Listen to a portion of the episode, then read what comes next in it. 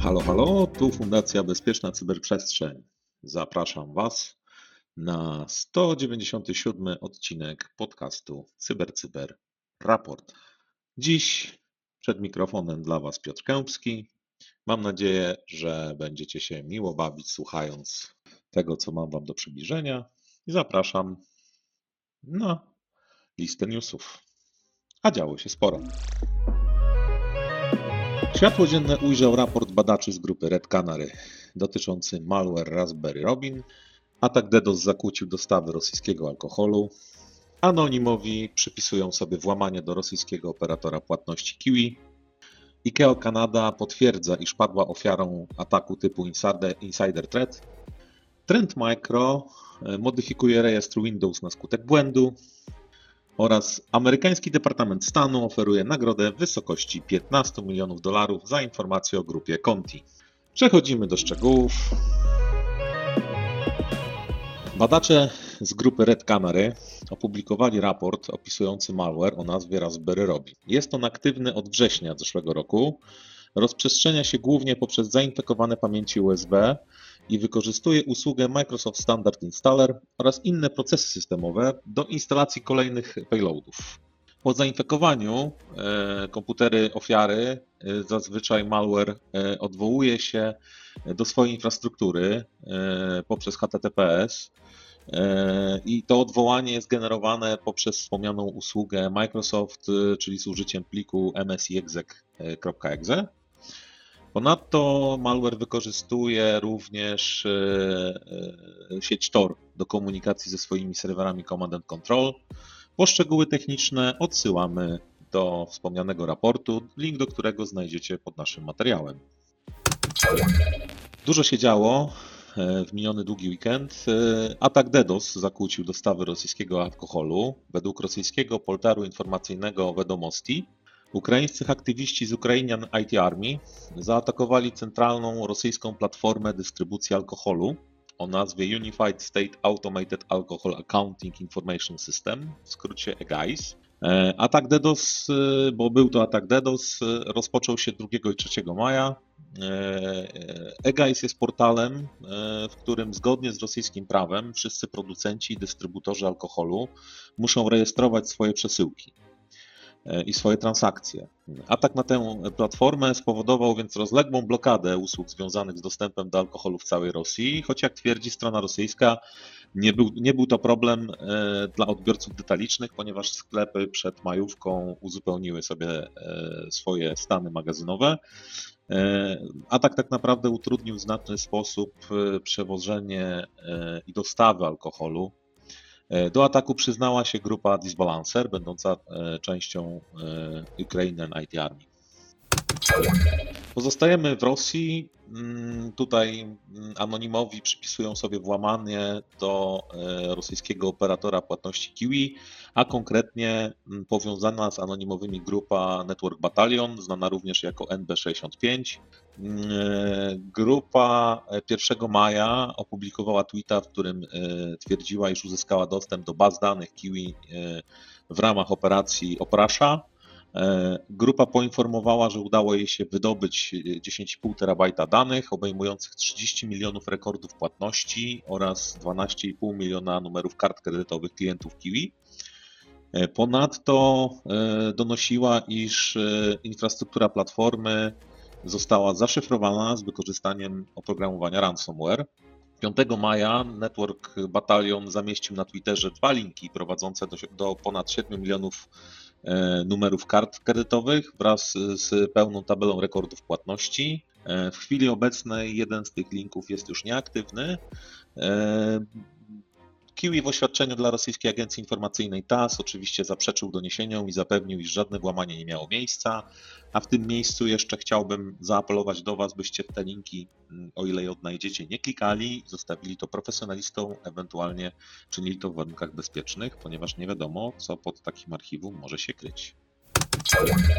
Przechodzimy do kolejnego newsa, skaczemy za wielką wodę.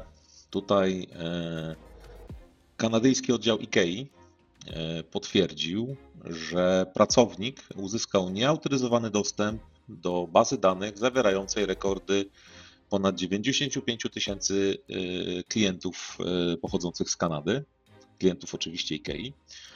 Pracownik przeprowadził niesankcjonowane przeszukanie bazy danych pomiędzy 1 a 3 marca.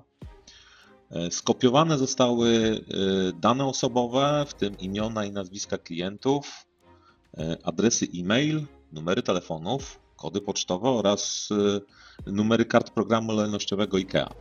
Zgodnie z zapewnieniami przedstawicieli IKEA, insider nie uzyskał dostępu do danych bankowych, a więc historii transakcji, numerów kart kredytowych czy też płatniczych. Zgodnie również z zapewnieniami przedstawiciela IKEA, IKEA Kanada złożyła raport o incydencie do Biura Komisarza Ochrony Prywatności Kanady, a więc postąpili zapewne zgodnie z procedurami. Wydano ponadto apel do klientów i informację, iż nie muszą oni czynić żadnych innych ruchów. IKEA zajmie się zabezpieczeniem danych i ich dane są bezpieczne. Przechodzimy do oprogramowania antywirusowego czy też zabezpieczającego. Tutaj Trend Micro. W ostatnich dniach oprogramowanie tejże firmy Apex One, dedykowane dla endpointów, zaliczyło swego rodzaju wpadkę. Otóż w wyniku błędu w mechanizmie detekcji rozpoznawało ono aktualizację Microsoft Edge jako malware. W wyniku tego błędnego rozpoznania, błędnej identyfikacji, oprogramowanie Apex One nie tylko blokowało tę aktualizację, ale również wprowadzało modyfikacje do rejestru Windows. Inżynierowie z Trend Micro od razu po doniesieniach,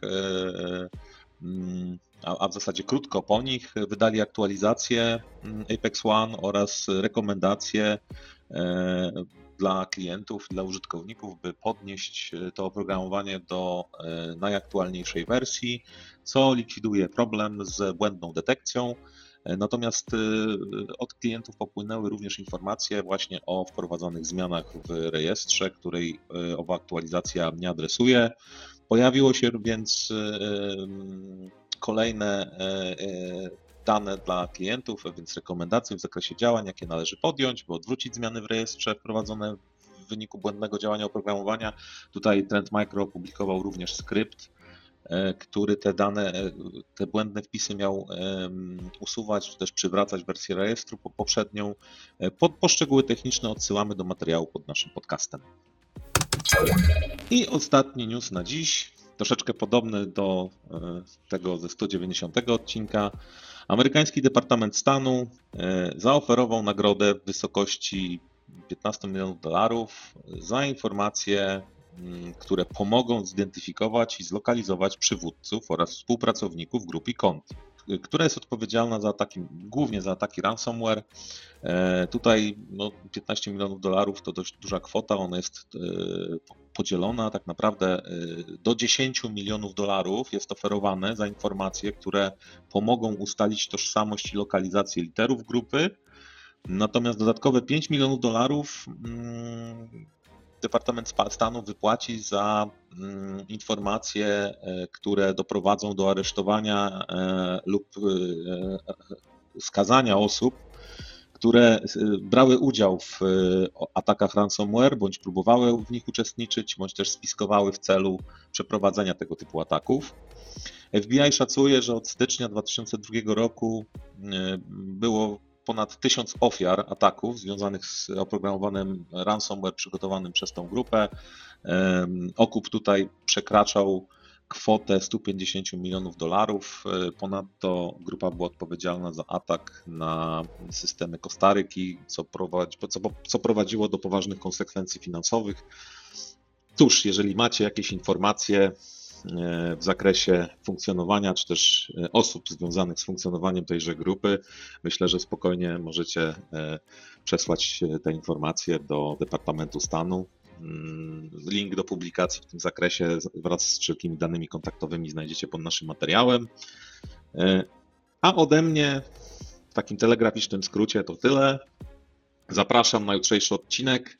E, Życzę Wam miłego dnia. e, Wypoczywajcie w pięknej pogodzie. Jeżeli pracujecie, to pracujcie efektywnie, tak by jak najszybciej e, skończyć to, co robicie i żebyście mogli rozpocząć wypoczynek. Pozdrowienia. Kłania się dla Was Piotr Kępski. Zapraszam na jutrzejszy odcinek. Cześć.